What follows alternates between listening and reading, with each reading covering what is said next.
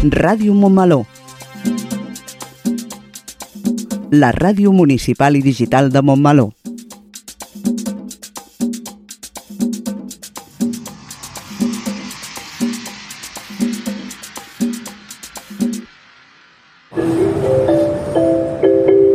Propera parada, Montmeló.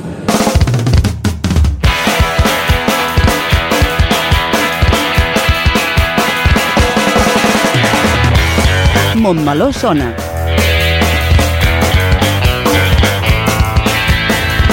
El magazín informatiu de Ràdio Montmeló.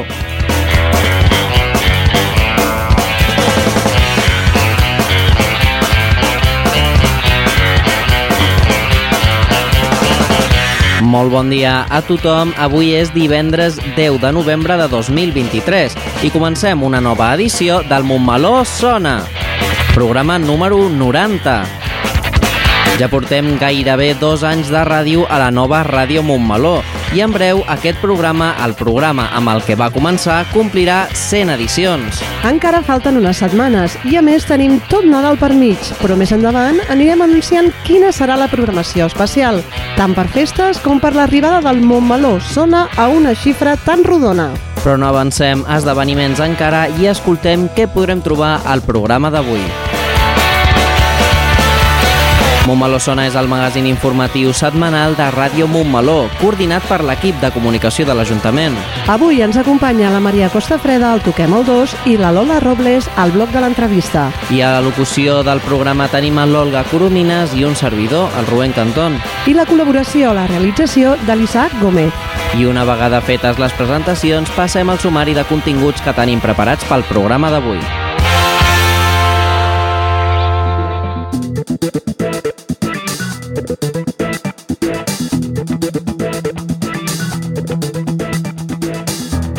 Comencem amb el Toquem el 2, on la Maria Costa Freda ens porta el cicle de monòlegs de Caçà de la Selva i parla amb el Joan Casabó, regidor de Cultura. Seguirem amb el nostre espai informatiu Crònica de Montmeló, on farem un repàs de l'actualitat del nostre poble. Després farem una ullada a l'agenda d'actes que podem trobar els propers dies a Montmeló. Tot seguit, la Lola Robles entrevista el Josep Humbert i el Josep Alarcón, membres del Centre d'Estudis de Montmeló, amb motiu de la presentació del butlletí número 13 del SEM.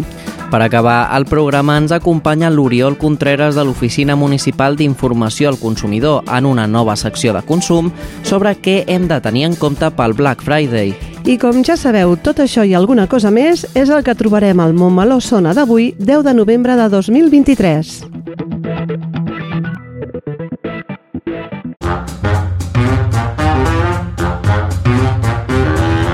Montmeló sona, el magazín informatiu de Ràdio Montmeló. Montmeló sona i sona així de bé.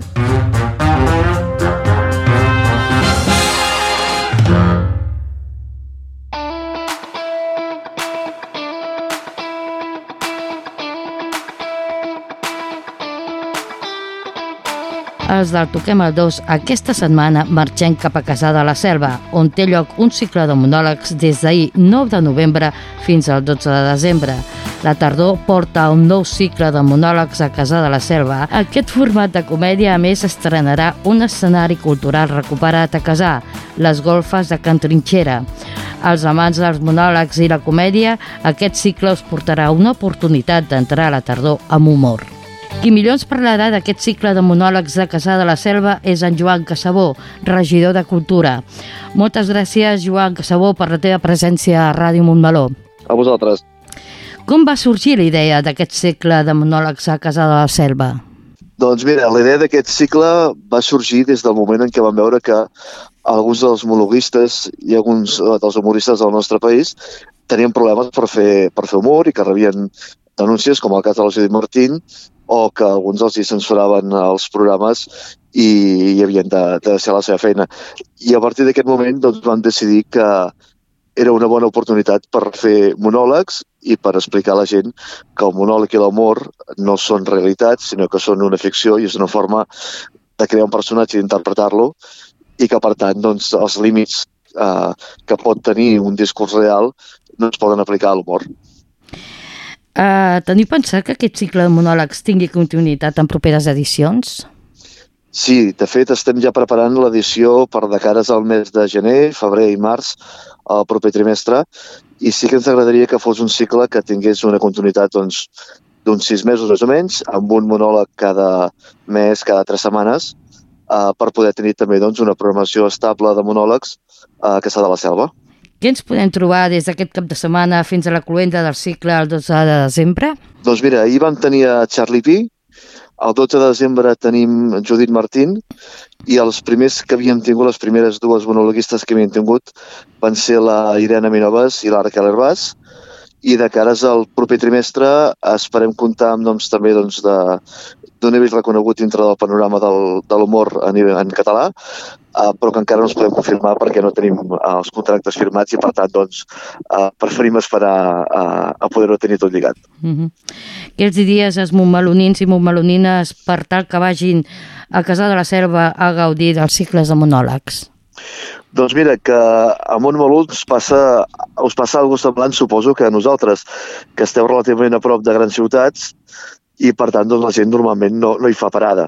Som ciutats de pas, que almenys si és, un poble de pas.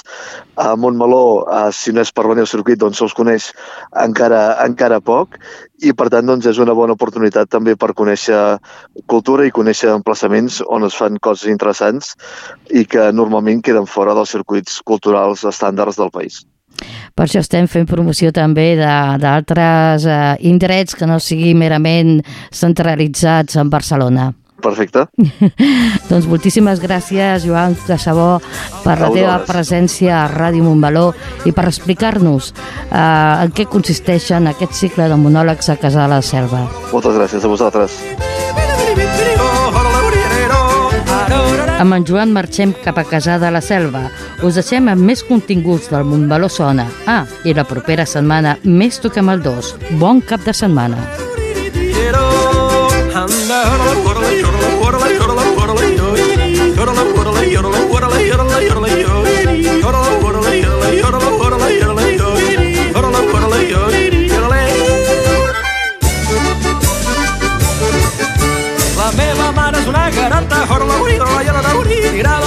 happy life.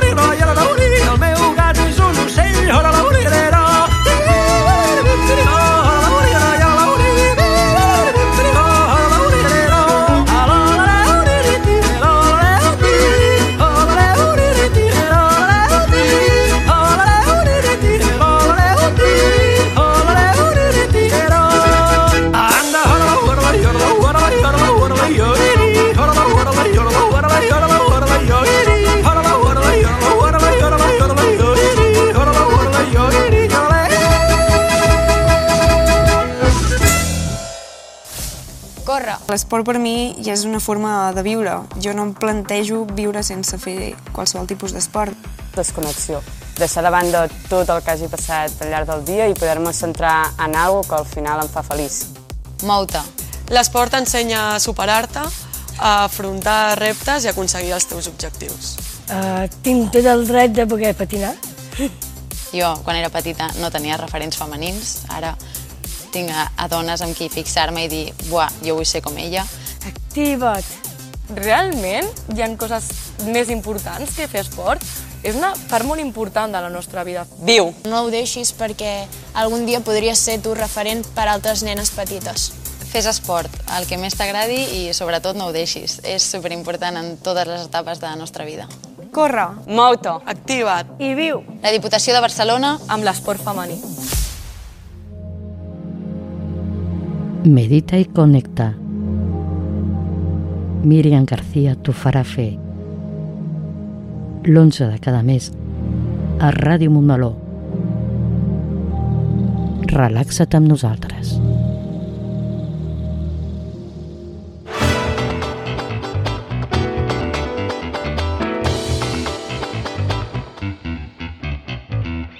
Arribem de nou al nostre bloc informatiu Crònica de Montmeló i donem pas una vegada més a les notícies locals més destacades per avui divendres 10 de novembre de 2023.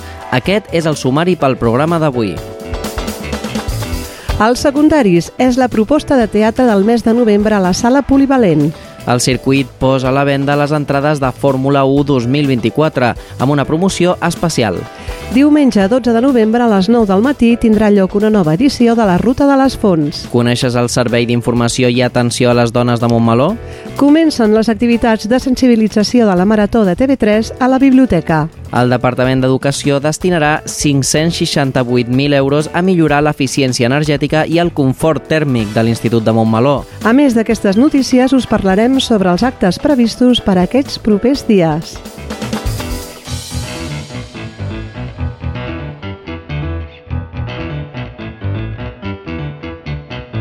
Divendres 17 de novembre a les 8 del vespre podreu veure Els secundaris, un vodevil que homenatja als actors i les actrius que no es recorden. És la història d'una actriu i un actor secundaris que comparteixen entre cametes d'un teatre al neguit d'abans d'estrenar. Inspirada en els espectacles populars del paral·lel del principis del segle XX, Els secundaris barreja peces teatrals còmiques i de vodevil de l'època per fer un homenatge als professionals que hi ha darrere les grans produccions, i en concret a tots aquells actors i actrius que han format part de la nostra història i que han estat oblidats.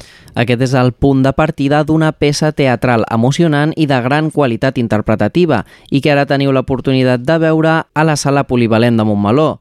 Les entrades es poden adquirir a través de la plataforma online d'Entràpolis. Les entrades amb descomptes per veure aquest espectacle teatral s'hauran d'adquirir de forma presencial al Centre Cultural La Torreta.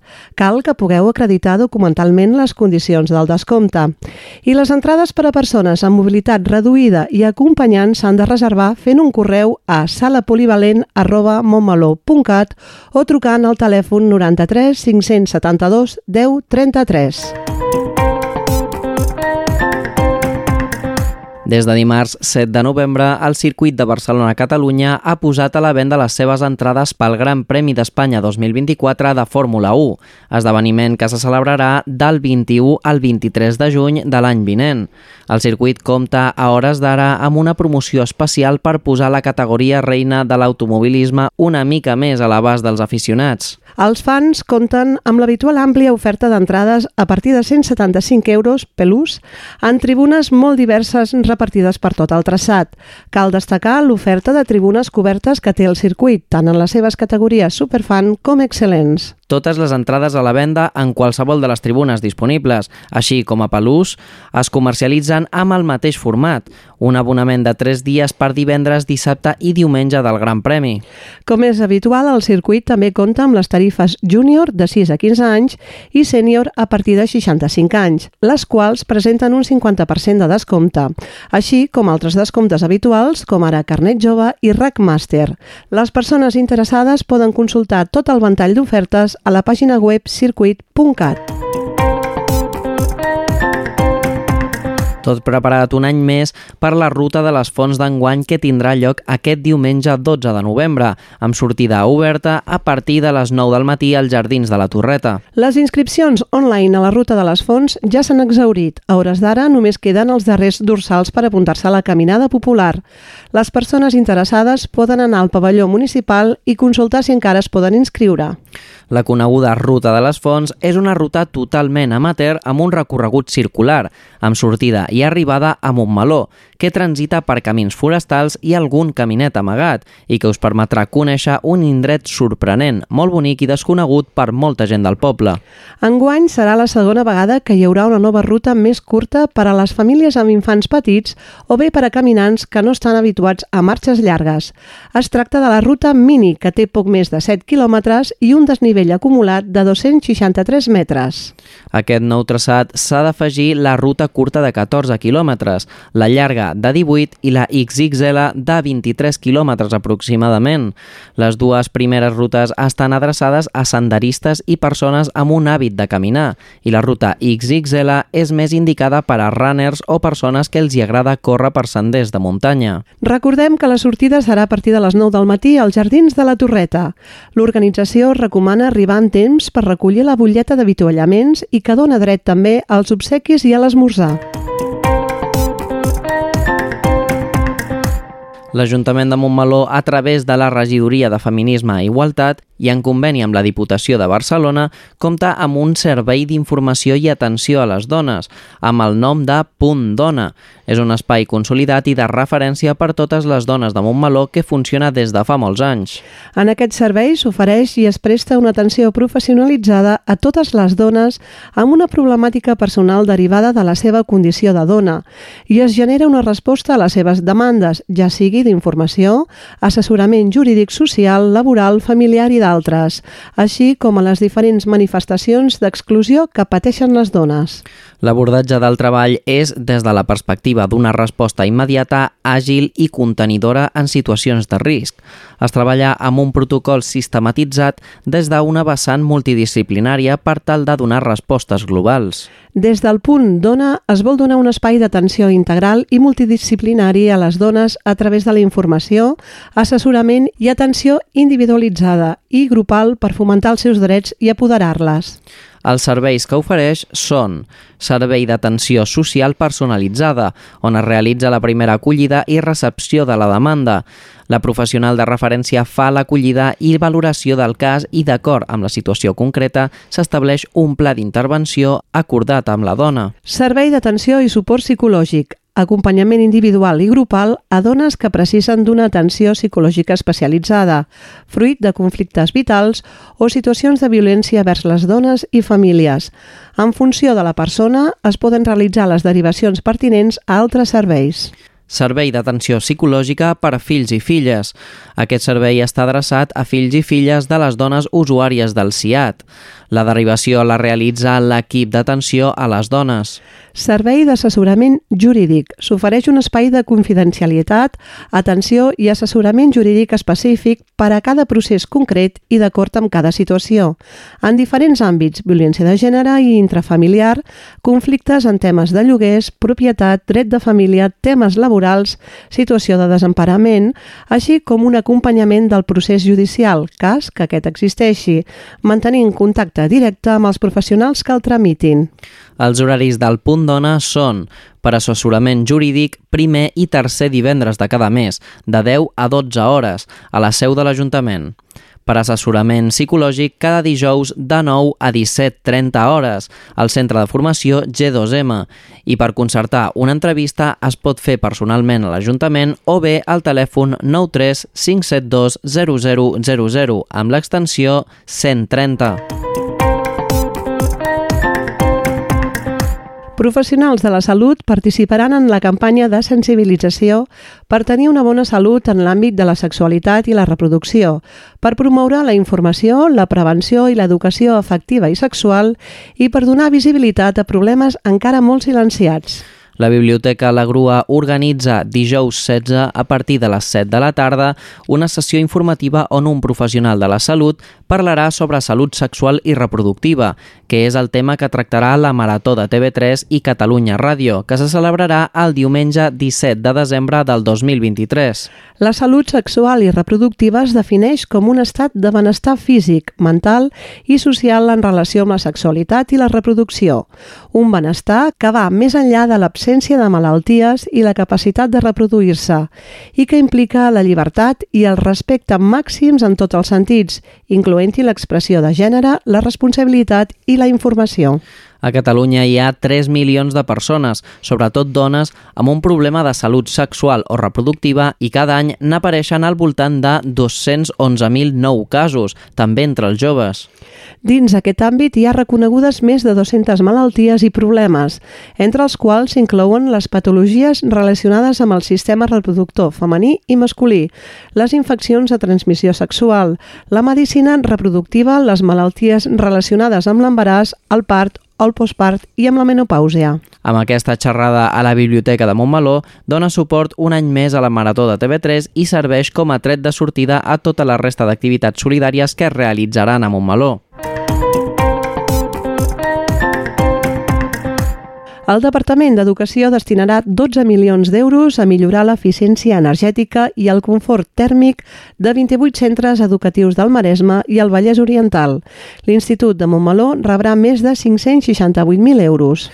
El Departament d'Educació destinarà 12.128.309 euros a millorar l'eficiència energètica i el confort tèrmic dels centres educatius del Maresme i el Vallès Oriental. Aquest seguit d'obres es finançaran amb els fons europeus REACT EU de recuperació econòmica que han de fer possible millorar les infraestructures que donen servei a la ciutadania, en aquest cas escoles i instituts. Les obres que es duran a terme amb aquesta inversió inclouen un seguit d'actuacions amb l'objectiu de fer els edificis escolars més sostenibles, més confortables i més saludables per al professorat i l'alumnat. Així es canviaran els envolupants, és a dir, els elements de la façana que actuen com a aïllants tant del fred com de la calor i que separen la part interior de la part exterior de l'edifici.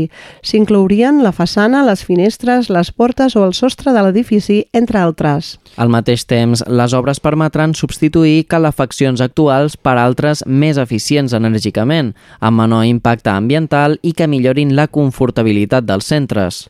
Un dels 28 centres educatius que es veuran beneficiats per aquest Pla Director d'Infraestructures Educatives és el de Montmeló, que rebrà 568.147 euros, que, com ja hem dit, es destinaran a la reforma i millora d'aquells elements que incideixin en el confort tèrmic i l'eficiència energètica, com ara les calefaccions i els aïllaments tèrmics.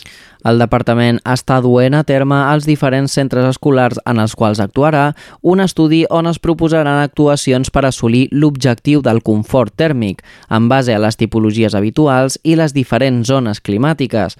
Per exemple, pel que fa als espais exteriors dels centres, s'analitzen aspectes com la vegetació existent, els espais d'ombres, les proteccions solars existents o l'exposició als vents, entre d'altres.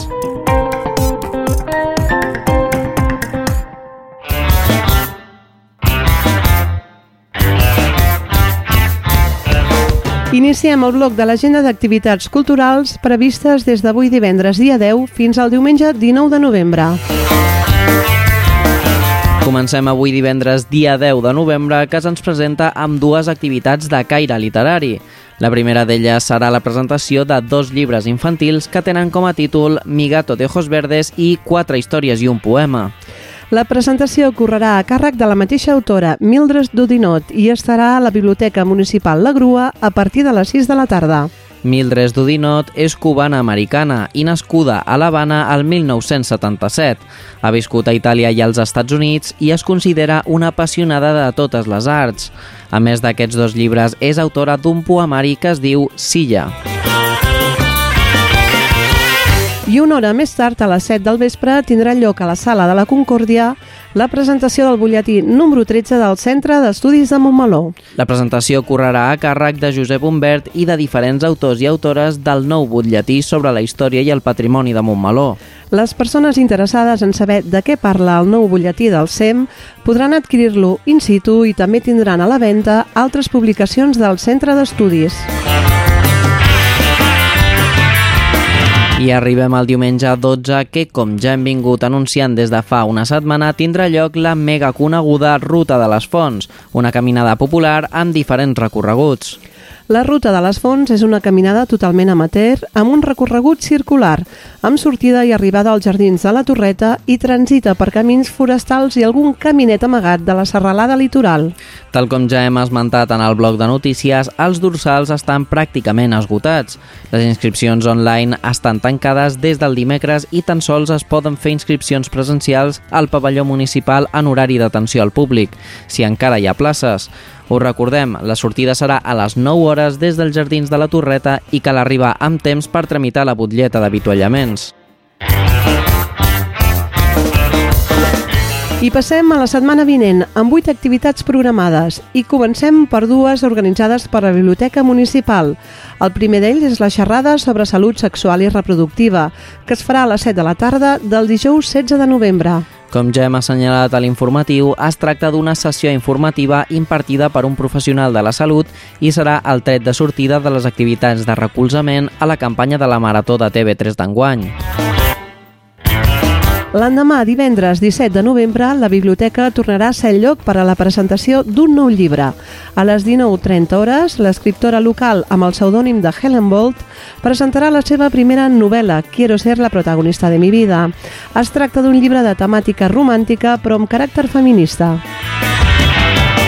I per les persones aficionades al teatre, el mateix divendres dia 17 a les 8 del vespre tindran una cita a la sala polivalent on la companyia Els Pirates representaran l'obra Els Secundaris, un espectacle en forma de vodevil que ret un homenatge als actors i actrius que no es recorden. Les entrades es poden treure a través d'Antràpolis o bé de manera presencial al Centre Cultural de la Torreta. Continuem parlant de teatre, en aquest cas d'un musical, ja que l'Escola Ford Dance Center presentarà Es Rec el musical el proper cap de setmana a la Polivalent, concretament el dissabte dia 18 a les 6 de la tarda i el diumenge 19 a les 12 del migdia i de nou a les 6 de la tarda. Teniu tres passis en diferents dies i horaris per gaudir de la màgia i l'encant d'aquest espectacle sobre la història de l'ogre més famós del cinema. Les entrades i tota la informació sobre horaris i preus els podeu trobar a entrapolis.com. I coincidint amb el tercer diumenge del mes, arriba una vegada més una nova edició de la Marxa Nòrdica, que des del Departament de Salut de l'Ajuntament s'organitza. Us recordem, com sempre, que és una caminada popular i sobretot molt tranquil·la. La sortida és la porta de l'Ajuntament, on es donarà aigua i fruita a les persones participants i també un parell de bastons de marxa nòrdica per tothom que no tingui. Es recomana fer inscripció prèvia al correu salut arroba montmeló.cat. El mateix diumenge, 19, coincidint amb la Setmana de la Ciència, el jaciment Mons Observants obrirà les seves portes per a totes les persones que vulguin visitar les instal·lacions i en aquesta ocasió es farà una sessió d'observació solar. Es podrà contemplar l'astre rei a través d'un telescopi dotat de filtre especial per poder mirar les taques solars i un altre que inclús permetrà veure les flamarades del sol. Tot un espectacle pels amants de la ciència. Recordar-vos que l'activitat és gratuïta, però cal fer reserva prèvia, com ja és costum, a través d'entrapolis.com.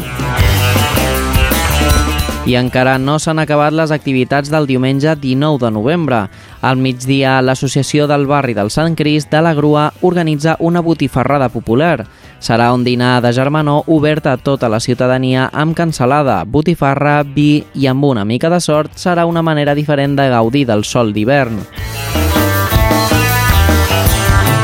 I finalitzem l'oferta d'activitats pel diumenge 19 amb un concert familiar. Es tracta de l'espectacle de la companyia infantil Pentina el Gat, que porta per nom Eufòria, un concert ple d'energia, sensible i divertit per a tota la família. Eufòria es podrà veure i viure al local de la grupa, al carrer 11 de setembre 6, a partir de les 5 de la tarda. Les entrades són a 7 euros pels adults i 4 pels infants. També es pot adquirir un pack familiar per 4 persones al preu de 20 euros. I aquesta és tota la informació municipal que teníem per explicar-vos avui. Prepareu-vos perquè les properes setmanes arriben molt carregades d'activitats, especialment els dos últims caps de setmana del mes, amb els actes del Dia Internacional per l'Eliminació de la Violència vers les Dones i les activitats de la Setmana Europea de la Prevenció de Residus. De moment ho deixem aquí i us continuarem informant en el proper Montmeló Sona. I ja sabeu, tot això i algunes coses més les podreu veure, sentir i llegir a les xarxes municipals, al web montmeló.cat o a l'agenda mensual.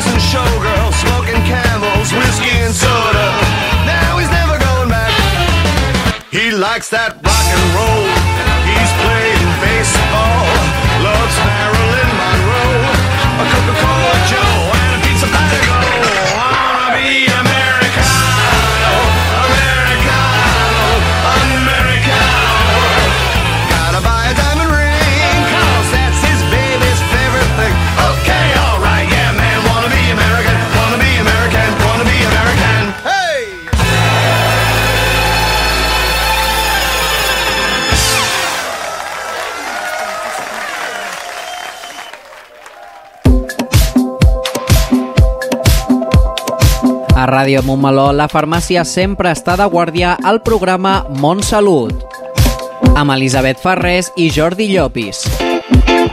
El segon dimarts de cada mes a les 12 del migdia.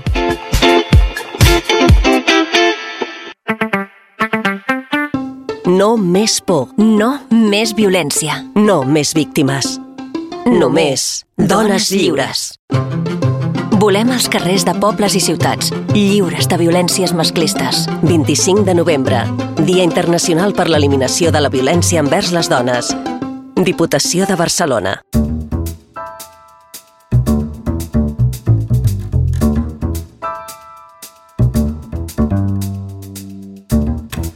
Avui divendres, a les 7 del vespre, la Sala de la Concòrdia acollirà la presentació del butlletí número 13 que publica el Centre d'Estudis Montmeló.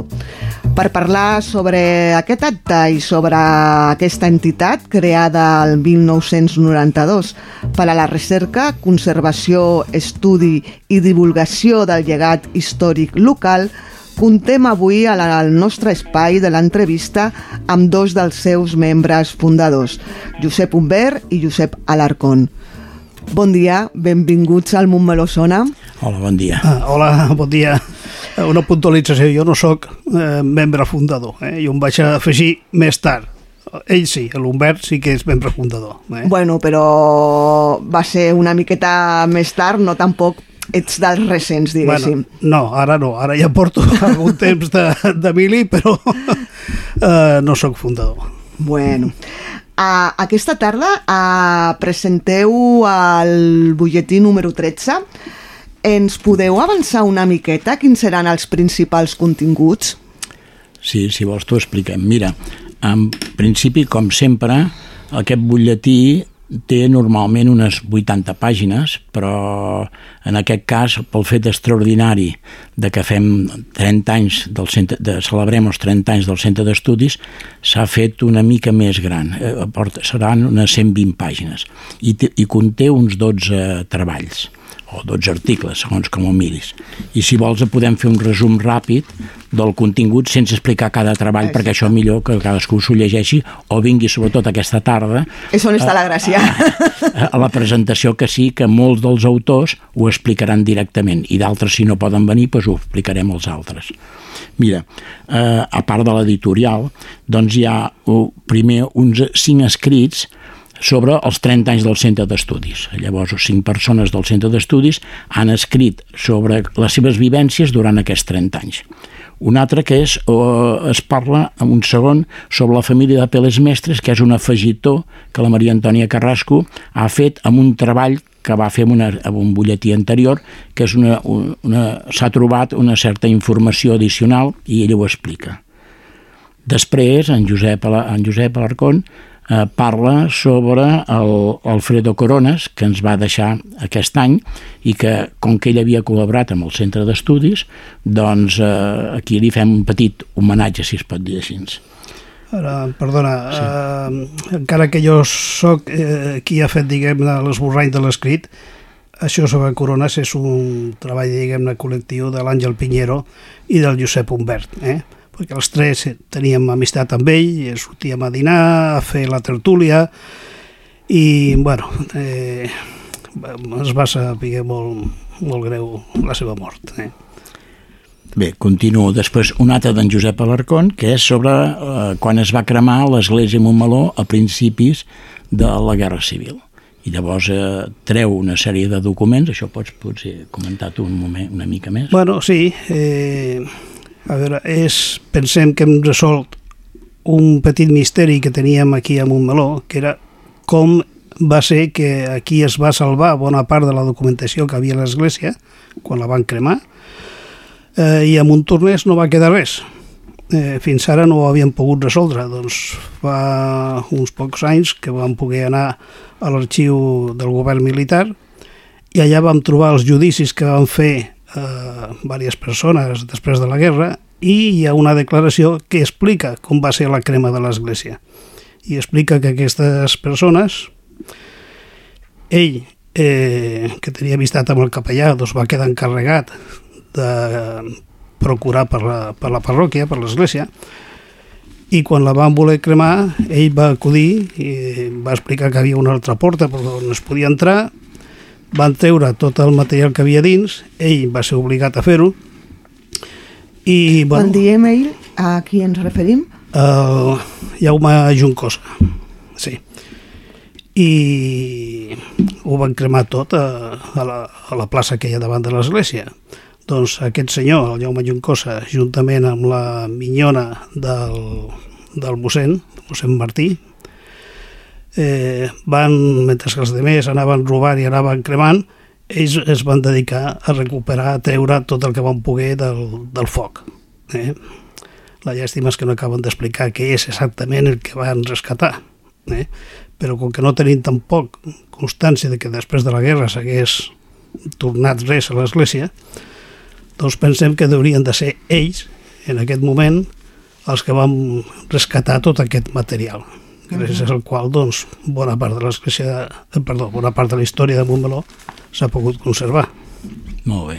Després d'aquest treball, mm, n'hi ha un sobre en Delfí Sabadell, que és de la família Sabadell aquí a Montmeló, cap a que vivien allà a prop del casino, i que aquest senyor, a part d'haver-se fet una casa aquí molt coneguda, eh, havia fet una altra casa a la banda del Clot, tenia molta relació amb Sant Martí de Provençals i amb el cor que hi havia allà i a causa d'això molta gent que estava allà companys seus eh, van venir a Montmeló a estiuejar. Llavors aquí la Maria Antònia Carrasco explica aquesta relació del fill Sabadell, la Doloretes, que era la seva filla, i d'altres persones com en relacionades amb Montmeló i famílies que van venir aquí d'estiueig.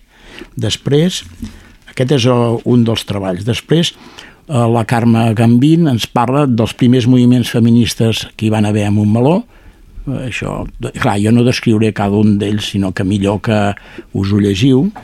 Després hi ha un altre que és un treball meu, que són les converses que hem tingut durant, quasi, podria dir 6 o 7 anys, tallades per la pandèmia, amb la Quimeta Torres Humbert, que és família meva, digue, no directa, directa, però fins que el cognom és Humbert, per tant, és família bast molt directa, i que parlem, com que té molta memòria de Montmeló, sobre coses de Montmeló i la seva edat permet que parli de moltes coses de Montmeló, de la Guerra Civil, de les escoles, de moltes coses de Montmeló que jo crec que són interessants i sobretot també parla, ens parla de cases de pagès que, o cases que no, era- potser no eren de pagès però que tenien noms curiosos que dius on eren? Doncs t'expliquen on són, perquè molt, aquestes cases algunes ja no hi són. També parla de personatges, en paper cot, bueno, molta gent de Montmeló, que jo trobo que és força interessant per la gent que ens havia, havíem sentit parlar d'ells, però no sabíem ben bé qui era o d'on venia. Eh? Després eh, hi ha un altre treball que, que parla de la nissaga, una nissaga montmelonina, eh, concretament diu Montserrat Torrents Ventura, i eh, Joaquim Reig mm, Aulet. A- Aquest treball és un treball que a part ha escrit aquest senyor, crec que ho ha escrit el senyor Joaquim Reig, però que hi ha col·laborat molt l'Àngel Pinheiro per poder sortir endavant, perquè ha aportat algunes coses i també la, pre la preparació del document. Després n'hi ha un altre treball que és de Joan Boter, Bé, és un Joan, amb, Joan Boter ens ha fet una cosa. Joan Boter, pel que, pels que potser no ho coneixin, és una persona que viu a Montornès, té relació amb familiars a Montmeló, va venir a escola a Montmeló, aquella escola que hi havia al casino, i de petit doncs, anava a peu de Montornès a l'escola del casino. Té una certa relació amb Montmeló i el que ha fet sempre és anar-nos enviant contínuament eh, mm, publicacions de finals del segle XIX i principis del XX relacionades amb Montmeló. I el que han fet és agrupar-les, l'Àngel Pinheiro les ha agrupat i les ha presentat en un, en un treball que ha posat com a nom Joan Boter Comelles, però jo diria que és en col·laboració també amb l'Àngel Pinheiro. Al final hi ha un, un, un treball de la Eva Butxosa i Àngels Martí que és un fet històric, que diu que és eh, espera, recordo la fàbrica FCC ara no recordo com es diu FC, abans ho hem apuntat Montmeló Àmbito, em sembla. Ah, això, Montmeló Àmbito, que és una mica la història d'aquesta fàbrica que elles hi, hi estan relacionades pel treball. I això ho explicarà. I hi ha... Ah, sí, perdó, que encara me'n deixava un de molt important. El Marcel Comas parla d'en Francesc Fanés, que eh, fa com un esbós d'aquest personatge que per diferents circumstàncies, després de la Guerra Civil, va ser empresonat i és el pres polític, per dir-ho així, de més llarga durada eh, de Montmeló en el segle XX. I fa un esbós bastant molt complet parlant d'aquesta personatge. I finalment en Miquel Gendre, com altres vegades, ens aporta uns acudits al final de tot. Això és tot els 12 treballs. Això és el que ens trobarem desenvolupat en el butlletí que presenteu aquesta tarda, però l'entitat fa 30 anys des dels estatuts. Heu previst fer alguna activitat especial per commemorar aquests eh, 30 anys de vida? Eh, aquesta tarda no, l'única activitat especial que farem és que a la sortida eh, portarem una ampolla, unes ampolles de cava i ho celebrarem tots junts, els que, els que estiguem allà a la sortida de la presentació. En principi, es, especial és aquest número, que té més pàgines del normal, té una portada diferent que altres vegades perquè és una portada en colors, que té, bueno, que, pues, que fa, ens farà una mica diferents, i una, o sigui, un acte expressament que digui 30 anys, no, però en parlarem tant en la presentació com en el propi butlletí, que ja és més extens. Anem als inicis del centre. Què recordeu? Com, com va començar i com ha estat la seva evolució fins a l'actualitat? bueno, si vols parlo, parlo una mica del principi, el Josep si vol parla una mica de la continuació. En principi, eh, a principis de 1992, eh, sent regidor de Cultura l'Antoni Guil, va pensar que era hora de que d'alguna manera poséssim en comú una, des de l'Ajuntament una cosa que ja s'estava fent des de la parròquia. La parròquia doncs, tenia un- una revista que d'alguna manera ja s'havien anat posant articles relacionats amb la, amb la història de Montmeló però clar, sortia de tant en tant no, eh, la, la presentació també era el que es podia fer que em sembla que estava molt bé però que era una mica més limitada en quant a presentació i, i eren pocs treballs. A continuació d'això que es publicava a Montmeló, ah, perdó, a la parròquia de Montmeló, doncs la, la regidoria de cultura intenta doncs, muntar algun, algun tipus d'organisme, digue-li com vulguis, que eh, aglutini gent que puguin tenir aquests interessos, no, necessàriament de la parròquia. I llavors, eh, el, això és a principis del 1992, es fan les convocatòries, hi ha una colla de reunions, però no es pot dir encara que hi hagi un centre d'estudis, i és a finals de 1992, a finals de novembre, ara seria la data, eh, eh, s'aproven uns estatuts. I eh, fins al 1994 no s'inscriu en un registre de societats. O sigui que, clar, al principi de la, del centre d'estudis és una mica difícil de, de dir. És quan es van convocar les primeres persones, quan es van fer els primers estatuts, quan es va fer un registre. Doncs entre el 1992 i 1994 es pot dir que és el principi. I l'Antoni Aguilera, en aquest sentit, l'ànima que en aquell moment va empènyer a que tiréssim endavant. Aquí va haver-hi gent que alguns coneixem, que no sé, ara recordo, per exemple, Manel Guas, que era una persona que hi va estar molt, molt des del principi. No sé, jo, jo tenia apuntades algunes persones que hi van ser des del principi, que algunes ja no hi sí, són. això és veritat, no? que hi ha, eh, va haver-hi eh, moltes persones que van impulsar Sí. sí. el centre d'estudis i que, que van ser molt importants no? per la seva creació sí. I que ara no hi són. Per exemple, hi ha una persona que va ajudar molt en els dos primers volums de la, de la història de Montmeló, que és la, una persona que no era de Montmeló, havia vingut d'estiuatge aquí a Montmeló, que és la Mansi Fernández. La Mansi Fernández va col·laborar en els dos primers volums, no de butlletins, eh? dos primers volums d'aproximació a la història de Montmeló, aquell que diu del segle XII al, perdó, del segle X al XII i el que diu del segle XIII. Aquest és una, perso una persona que jo crec que gràcies a ell doncs, els demés també ens vam animar una mica més perquè veiem que hi havia la possibilitat de sortir. Altres persones que tinc aquí amb la llista perquè no descuidar-me'n gaires, doncs hi havia hagut el meu pare, que també va treballar i amb, el, amb, els, amb bastants butlletins, el senyor Joan Salvador, el que he dit abans, en Manel Guas, que en tema de...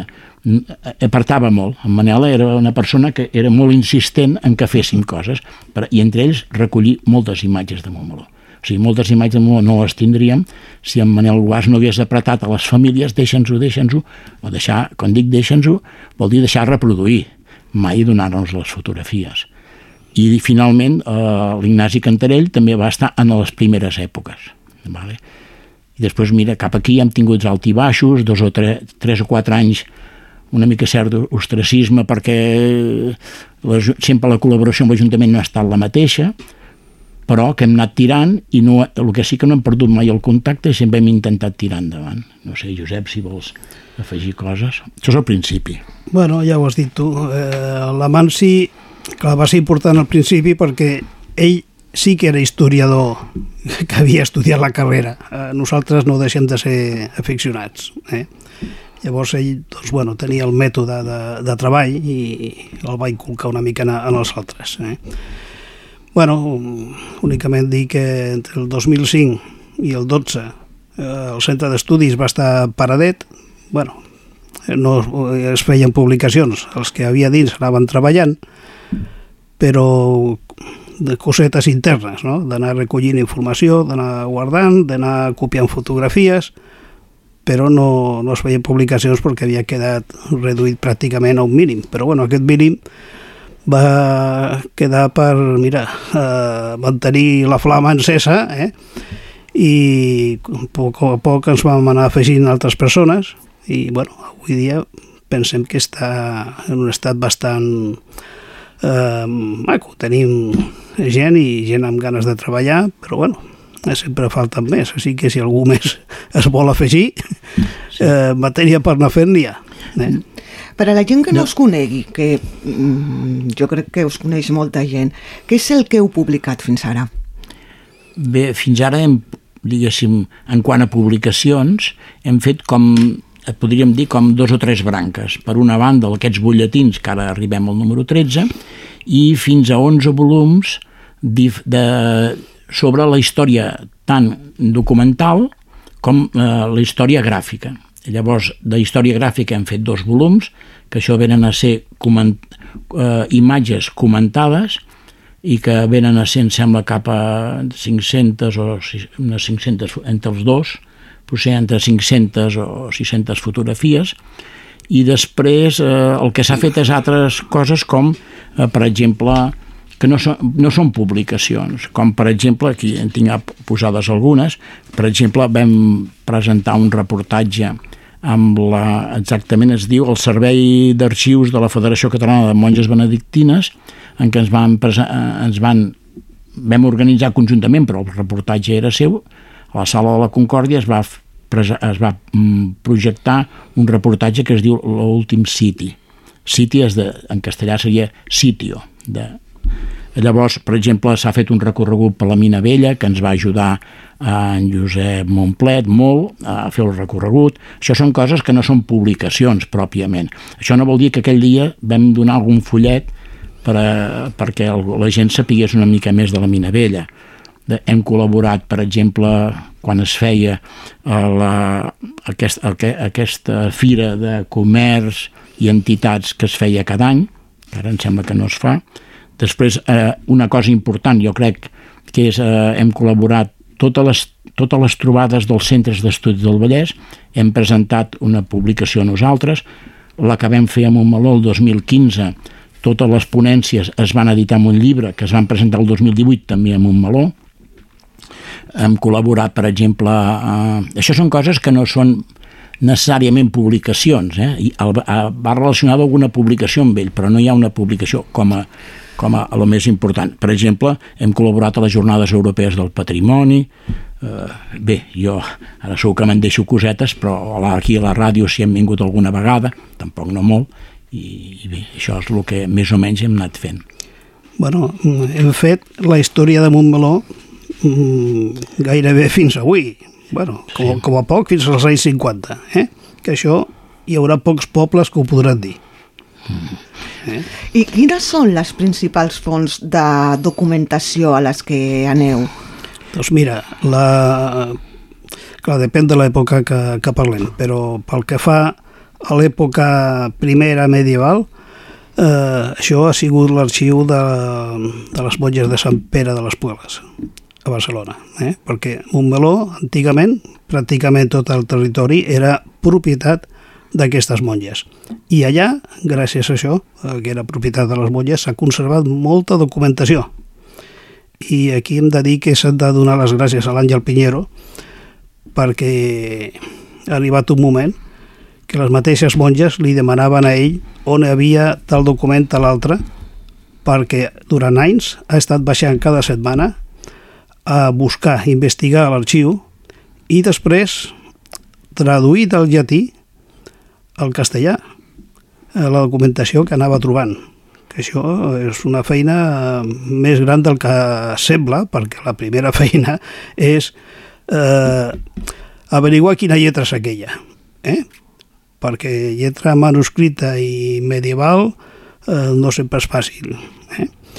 I, I a més a més també les abreviatures, que utilitzaven moltes abreviatures, i si no tens una mica de pràctica, una mica d'estudi en aquests temes, no pots resoldre què diu allà. Eh?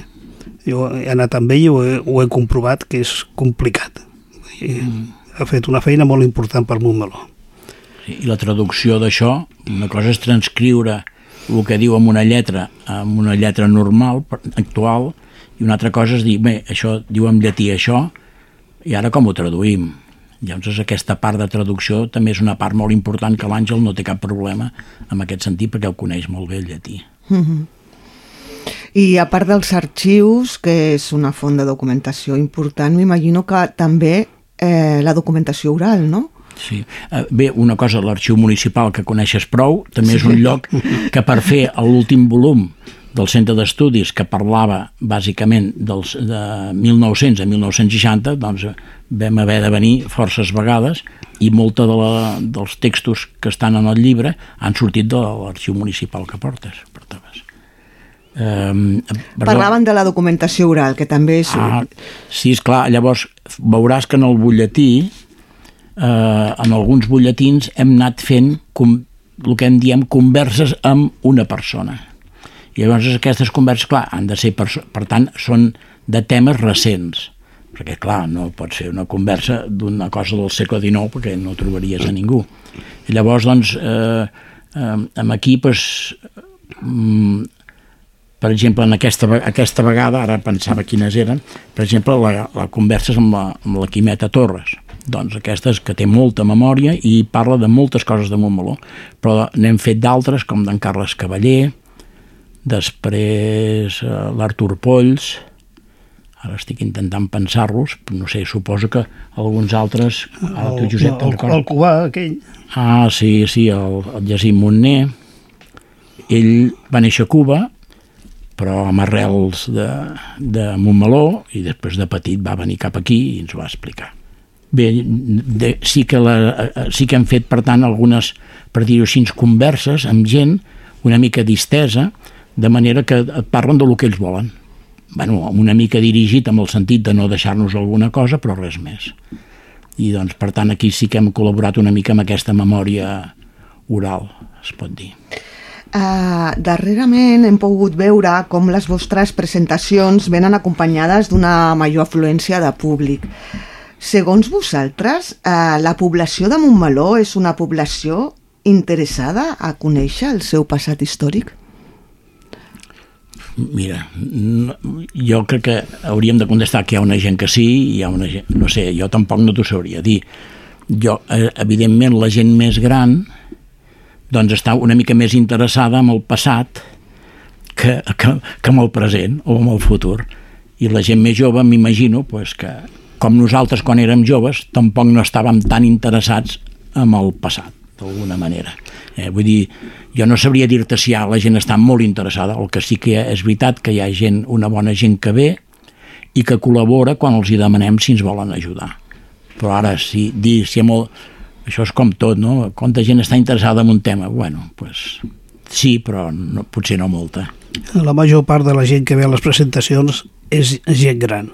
Eh? També hi ha algun jove, però la major part és gent gran que tenen més interès en aquestes coses. I queden moltes coses més per explicar de Montmeló? Oh, segur que hi ha doncs, moltes. encara ens queda una cosa important que es va quedar allò que diuen en el tintero. Eh? Quan vam fer el treball del segle XIX, Mm. tot el procés pel qual eh, Montmeló, que com t'he dit abans era bona part propietat de les monges de Sant Pere de les Pueles, com va ser que va passar a mans privades. Això és la desamortització, però no només la famosa de Mendizábal, perquè n'hi va haver més desamortitzacions. I això és una cosa que la vam començar a investigar eh, i encara no hem acabat. Encara hem de, de tornar, algun dia tornarem. Però bueno, és una cosa important i, i curiosa, no? Per saber aquest canvi de propietat com va anar. Sí, després també diria que des del punt de vista de publicacions no, però així com vam fer aquell recorregut per la Mina Vella, aquest tipus de coses també hi han coses pendents que podríem fer, com per exemple eh, anar en els, dos, en els llocs on hi ha els dos, hagut els dos cementiris de Montmeló, el parroquial i el municipal, i parlar de cada un d'ells i la seva evolució, encara que sembla un tema poc interessant, jo crec que sí que hi ha moltes coses a dir, tant del parroquial, del cementiri parroquial a davant de l'església, com el cementiri municipal. Un altre lloc a anar, per exemple, fer un recorregut i parlar sobre la grua, el barri, el suposat miracle de Sant Vicenç Ferrer, etc etc, que també seria un recorregut que es podria fer. I un recorregut que recentment també ha aparegut, que ara potser té una mica més d'interès, és fer un recorregut eh, la banda de la muntanyeta, tant on seria les tres creus que han estat arreglades darrerament, fa poc temps, com la banda dels pous, de gla, els pous del Duc, que en diuen pous del gla, de glaç, i on hi havia les basses de glaç, que són les que subministraven el glaç als pous. I llavors tot això es podria fer un recorregut, o sigui, de temes n'hi ha, o sigui, jo crec que, i de, com aquest n'hi deuen haver molts més, eh, que es podrien anar fent. I, no sé, de treball sempre, sempre surten coses, o sempre surt un pergamí nou, o un document nou, o qualsevol cosa que segur que no hem pogut abordar, i després hi ha altres temes que, per exemple, hem abordat poques coses del camp. Montmeló durant molts anys vivia del camp. Eh, sí que hem abordat una vegada el tema de l'aigua. Amb en Josep Montplet vam fer un article en un butlletí que parla dels recs, de les mines, tot això sí, i de les basses. Se- Segur que, però sobre això segur que podríem fer molt més, eh? Sí, que temes no faltes, possiblement el que falta més és que més gent s'impliqui no? dintre de, de, del centre. Sí. Uh, què ha de fer una persona que vulgui col·laborar amb vosaltres? Pues, doncs és molt fa... jo crec que és bastant fàcil.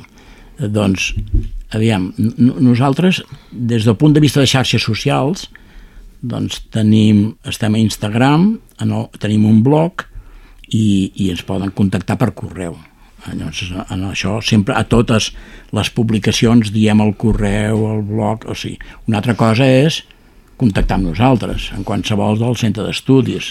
Sí, i, i quan es trobi pel carrer, també. O sí, sí quants, a veure, qualsevol persona que tingui alguna a dir sobre Montmeló pensa que eh, el, el butlletí està totalment obert i que pensi que no toquem una coma del que s'escriu.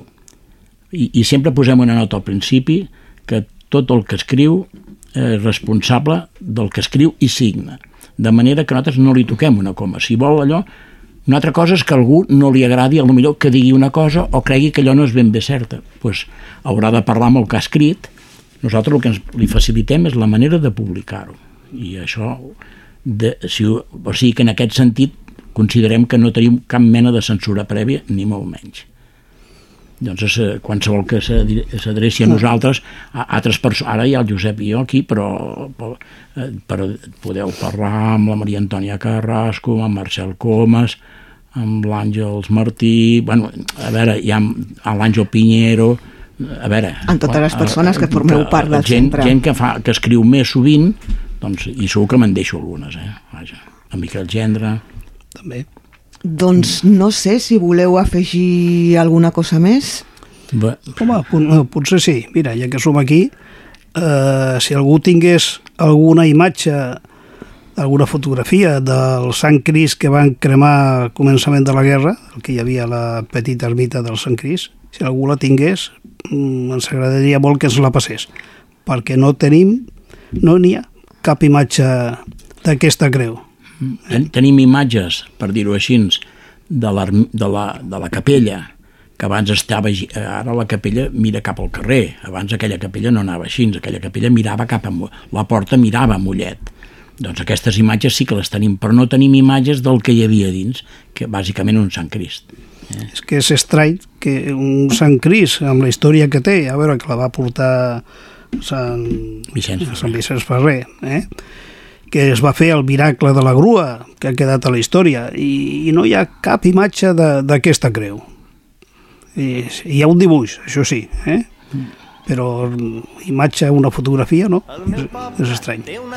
Una altra cosa que podríem dir és animar la gent que vingui aquesta tarda. Doncs amb aquesta petició donem per acabada la vostra conversa amb nosaltres. Moltes gràcies per ser-hi en aquest espai. I molta sort. Gràcies a vosaltres. Gràcies a vosaltres. A la plaça de nit s'hi aplega tothom que ballen nens petits, senyores i senyors.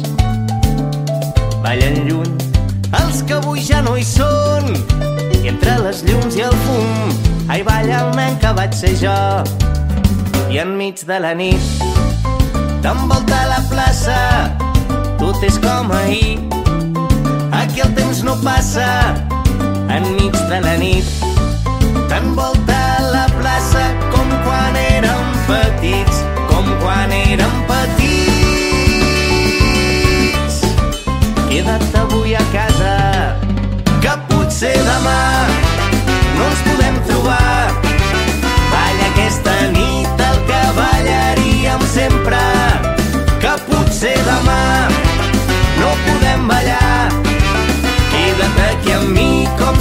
quedessis per sempre.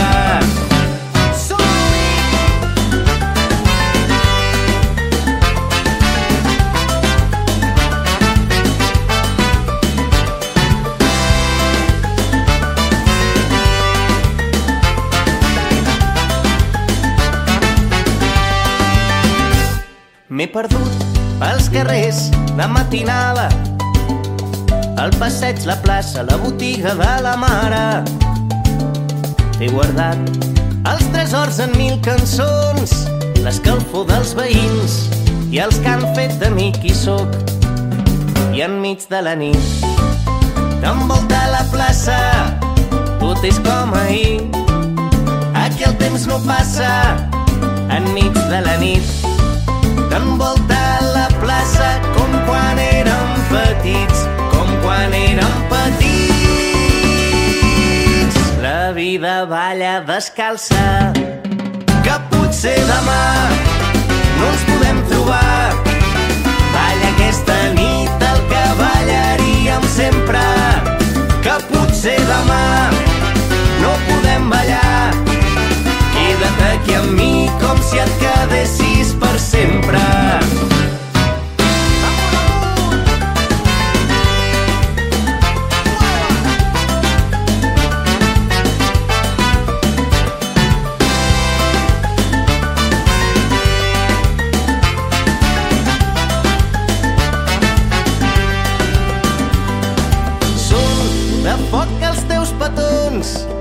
Que s'encenen de nit i cremen la matinada.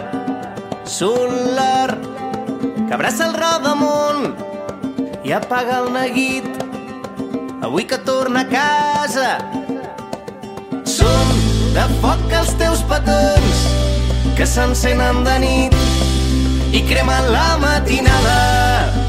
Són l'or que abraça el rodamunt i apaga el neguit que torna a casa.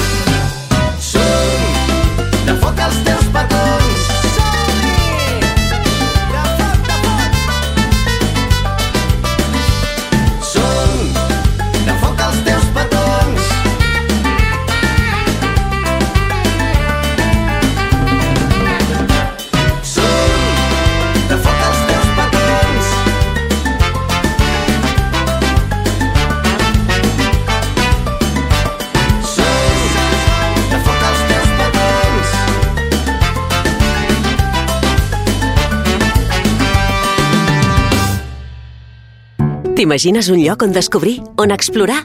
Un lloc on llegir, aprendre i compartir? Tot això i molt més a la teva biblioteca. La Diputació de Barcelona i els ajuntaments posem al teu servei 228 biblioteques i 10 bibliobusos per apropar-te a la cultura i el coneixement. bibliotecavirtual.diva.cat Diputació de Barcelona. 15 són 15, 15, 15, 15, 15 són 15, 15, 15 són... 15 són 15, el programa de la Biblioteca Municipal La Grua, el dia 15 de cada mes a Ràdio Montmeló.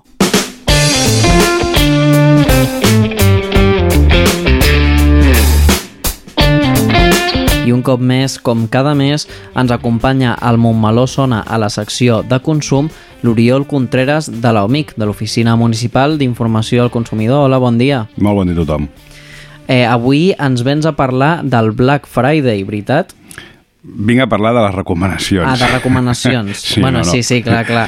Jo, perquè sóc el menys eh, amic a fer propaganda, a fer Sí. sí. publicitat del Black Friday, lògicament per la meva, per la meva feina, i vinc a donar, doncs, bueno, uns consells. Sí, perquè s'han de tenir en compte algunes coses eh, de, des de la perspectiva del consumidor Mhm. de, de cara a, a participar al Black Friday.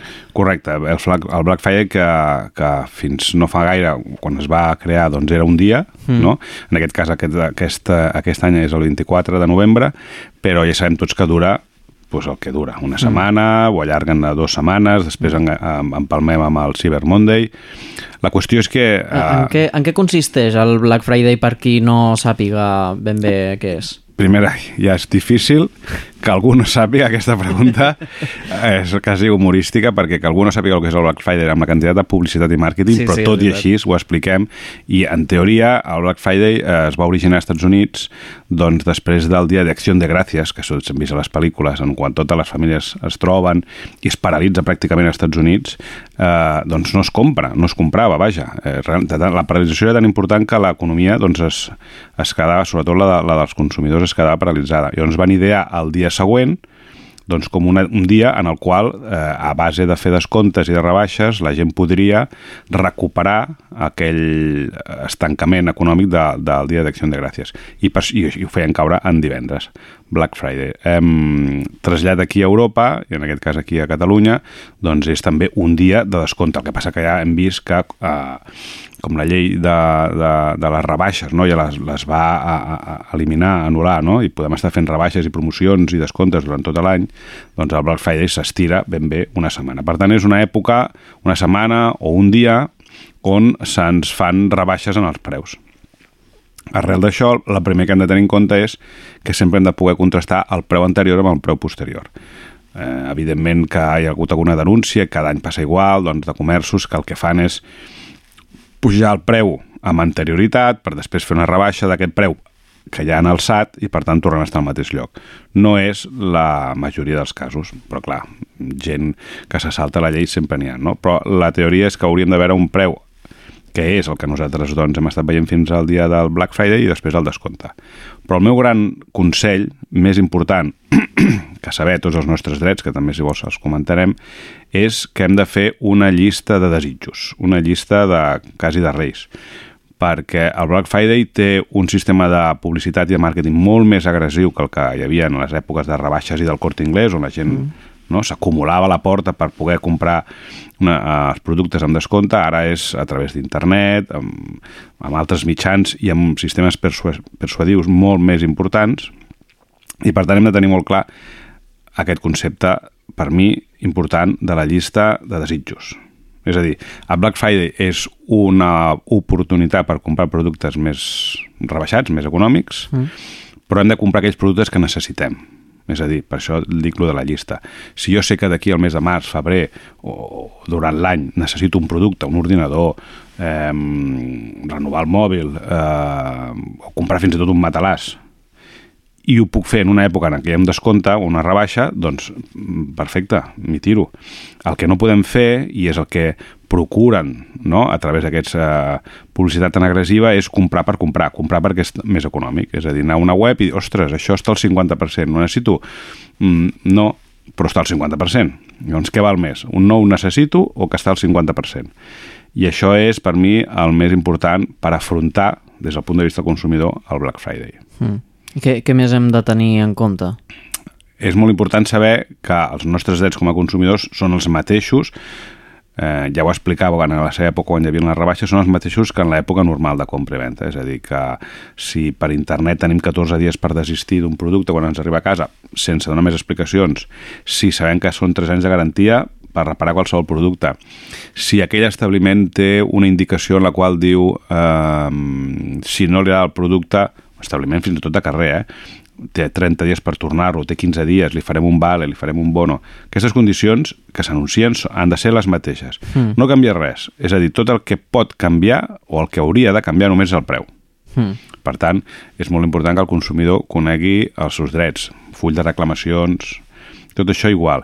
Hem de tenir més cura en el sentit perquè hi ha aquesta campanya més agressiva de venda i llavors doncs, hi ha més, traf, més trànsit en la, en, a, en, el, en la compra i en la venda. Però no ens ha d'espantar simplement aquesta reserva de, de no tenir que comprar pels ulls, mm. no? que diríem aquí els catalans, no? Sí. no comprar pels ulls. Pensa que jo ara estic fent, estudiant un, un màster d'economia de, i, i relacionat amb el món dels consumidors usuaris i estic a l'apartat del màrqueting i dintre de l'apartat del màrqueting que no és només fer la publicitat màrqueting, és establir preus, és l'etiquetatge, és l'embalatge, és, és un món bastant complex. Hi ha el neuromàrqueting, que ja fa com por, val? el neuromàrqueting, perquè eh, el que fan és estudiar, no? no diria les neurones, però estudiar la reacció ja no racional de les persones, no? les emocions, i a partir d'aquí fer la publicitat em posen un exemple jo el poso perquè trec aquest, aquest tema perquè la gent sigui més conscient de, de la publicitat, la força que té no? sí. a l'hora de convèncer-nos. Eh, es posava un, un, unes persones amb uns aparells científics electrònics en, en, en el cervell, no? o en el cap, no? diguéssim, per controlar, i se'ls posaven davant una, una, un anunci publicitari on hi havia una fotografia on hi havia un nadó i al costat uns bolquers. Es volia vendre bolquers, era una empresa de venda de, de bolquers. Però es veu que el nadó aquest era tan mono, tan, tan maco, que eh, van detectar amb aquests sensors que la gent, els ulls, se li anaven única i exclusivament al nadó. Sí? Mm. I aquella empresa, amb aquesta campanya publicitària, no va fer prous ventes, vull dir, fins i tot mm, no, no, no, va, va, va baixar després de la publicitat. Què van fer? Van agafar la figura del nadó, no el van, no el van treure, no el van substituir, diguéssim, per un nadó lleig, eh? Mm. però el nadó el que feia era posar-s'ho de perfil i mirar el bolquer. Vale. I es veu, i això eh, d'aquí l'estudi no, científic, que la mirada de les persones llavors es dirigia al bolquer Mm. i l'empresa va incrementar les ventes. Llavors, què vol dir? Que amb el neuromàrqueting o amb, amb aquest control, no? més enllà no? de, de la simple publicitat, poden controlar molt més com fer campanyes no? eh, publicitàries de venda. Per tant, no és que haguem de ser més intel·ligents, perquè no, no arribaríem, però sí molt cautelosos, no? I sempre contrastar preus, contrastar productes i, sobretot, les condicions de venda, els, eh, la plataforma de pagament, tot això si és per internet, i en la botiga doncs, també doncs, contractar, contrastar aquell producte i aquest preu amb un altre comerç amb una altra botiga. Eh, I sobretot, i sobretot, aquesta llista de desitjos. Hi ha també altres èpoques o, o altres tipus de, de rebaixes, veritat? A part del Black Friday tenim el Cyber Monday, que fins fa un temps tenia sentit, per mi ja no el té, perquè Cyber Monday era un dia en concret de descomptes en compres exclusives per internet, però si el Mm. Black Friday, la majoria de compres que fem són també per internet, mm, bueno, potser deixa de tenir sentit, o és simplement un allargar no? Mm. aquest període de Black Friday amb la setmana, ara ve ja del, del Cyber Monday, que teòricament és el dilluns posterior al divendres del Black Friday. Uh, I com als americans els agrada molt um, aquesta, a les, als extrems, sí. doncs després del Black Friday ells celebren el Giving Day, no? que és a dir, doncs l'endemà tot ho donem. Mm. O el Green Day, eh, tot, tot en relació amb la- amb el- amb l'ecologia i amb la sostenibilitat, no? Però són els mateixos, o sigui, no, no, no volen, no, no renuncien al Black Friday, no? Clar. Bueno, aquestes són aquestes contradiccions típiques dels americans. Primer dia compro molt i l'endemà ho dono tot. Mm. O no compro res. També hi ha un dia, que és una frase més llarga, en anglès no la sé dir, que és el dia en el que no compro res. Però si el dia abans he comprat tot, Bé, la qüestió és que, la conclusió, vaja, és que sí que existeixen moviments alternatius, no? que no tot està en aquesta compra agressiva i tampoc no cal afiliar-se a cap dia en concret, d'aquests que t'he dit jo ara, però sí simplement mantenir un equilibri. Sí. Al final, el clima mediterrani el que ens comporta és aquest equilibri, no? Sempre ser una mica més eh, equilibrats, no? En, en, la, en la presa de decisions, no com els, ja et dic, els americans és molt doncs, més, més agressiu, vull dir, agafen un dia, es passen el dia comprant i l'endemà doncs, tots tancats a casa, o, o per això es fa celebrar el Black Friday, perquè un dia abans és que no hi havia, Déu no comprar sí. ni el pa, no?, per dir alguna cosa. I llavors penso que aquí a, al nostre àmbit eh, el que hem de fer és ser més moderats i saber que existeix unes rebaixes, com tota la vida, i, i saber doncs, que no ens hem d'excedir en la Mm. compra. Doncs bàsicament comprar amb cap, tenir una llista de desitjos i ser conscients dels drets que tenim com a consumidors i que no canvin en aquesta època de rebaixes. Aquesta seria una bona conclusió. Mm. Doncs hi ha alguna cosa més a afegir?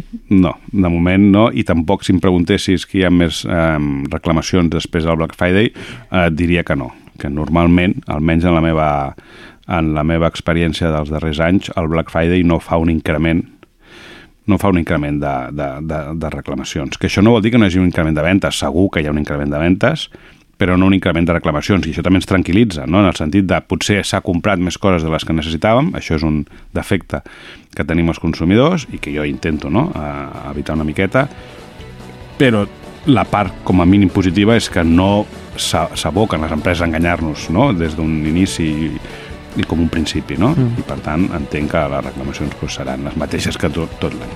Uh -huh. Doncs moltes gràcies, Oriol, per passar per la ràdio i ens veiem el mes que ve. Gràcies a vosaltres.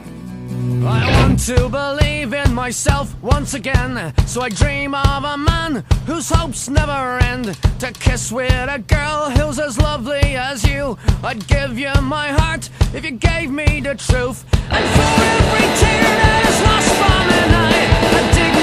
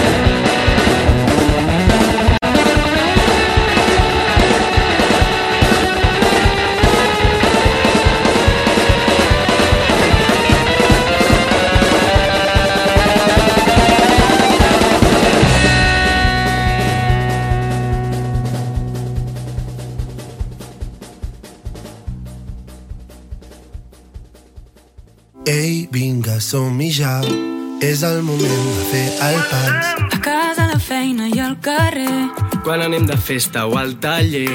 Parla'm amb el teu accent. Només hem de començar. Va, provem-ho en català. Tu per mi i jo per tu. I quan vulguis tots plegats. Molt per parlar, molt per Provem-ho en català. Molt per parlar, molt per viure. Generalitat de Catalunya. Sempre endavant.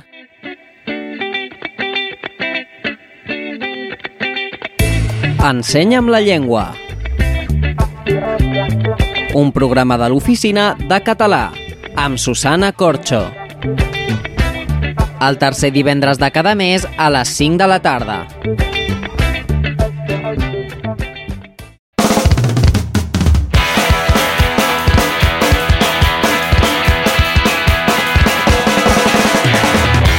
I ja arribem al final del programa d'avui, però abans d'acabar recordem la programació que podreu trobar a la ràdio durant el que queda de setmana i durant la setmana que ve. Demà mateix, dia 11, a les 20 hores, la Míriam Garcia ens prepara una meditació guiada per prendre constància de com d'important és tant de donar com rebre, en el nou podcast de Medita i Connecta. Diumenge 12 a les 19 hores, una de les nostres dos quiciades celebra el seu aniversari i per tant dedicaran el programa a El dia en què vam néixer. No us perdeu la nova edició de Dos Quiciades presentat per la Maria Sokołowska i la Irene Cervantes. Dimarts 14 a les 12 hores tenim una nova edició de Montsalut, el programa de salut de Ràdio Momaló, presentat per l'Elisabet Ferrés de la Farmàcia Milenari. En aquest nou podcast entrevista la doctora Susana Javalera per parlar de la fibromiàlgia. I dimecres 15 a les 15 hores farem un vol per la Biblioteca Municipal La Grua de Montmeló amb el programa 15 són 15, on la Pego, el Raül i la Fina ens expliquen quines novetats podem trobar a la biblioteca. I per acabar, dijous 16 tindrem una nova edició de Fora de Joc, el programa d'esports presentat per la Sílvia Matamoros. Podreu escoltar el programa a la nostra web a les 9 del vespre. I amb tot això marxem, però com ja és costum us volem recordar que podeu contactar directament amb l'emissora si teniu qualsevol idea, suggeriment o opinió, mitjançant el nostre correu radiomo.momolo.cat o a través del telèfon i WhatsApp 637 150 702. Molt bon cap de setmana a tothom i rieu molt si passeu pel cicle de monòlegs, però després torneu perquè Montmeló tornarà a sonar divendres 17 de novembre de 2023 a les 12 hores.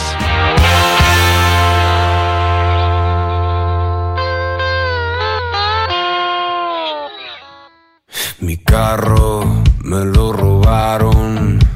estando de romería.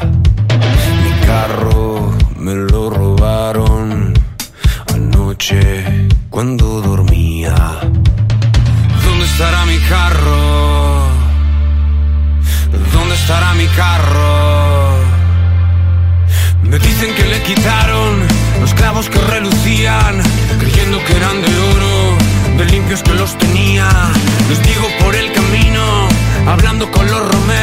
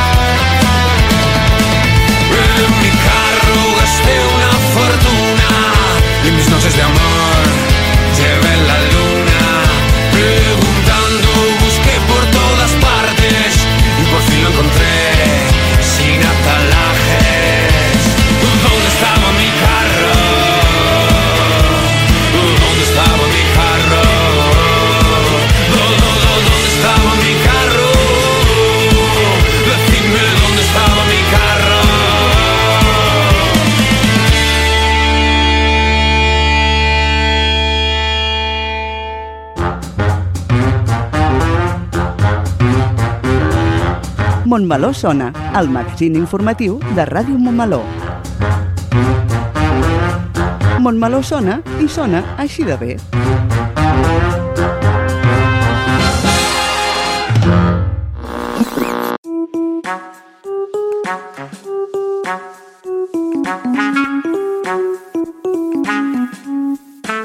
Ràdio Montmeló. Sintonitza'ns al web radiomontmeló.cat i a través de les xarxes d'Instagram, Facebook i Twitter. Ràdio Montmeló, la ràdio municipal i digital de Montmeló.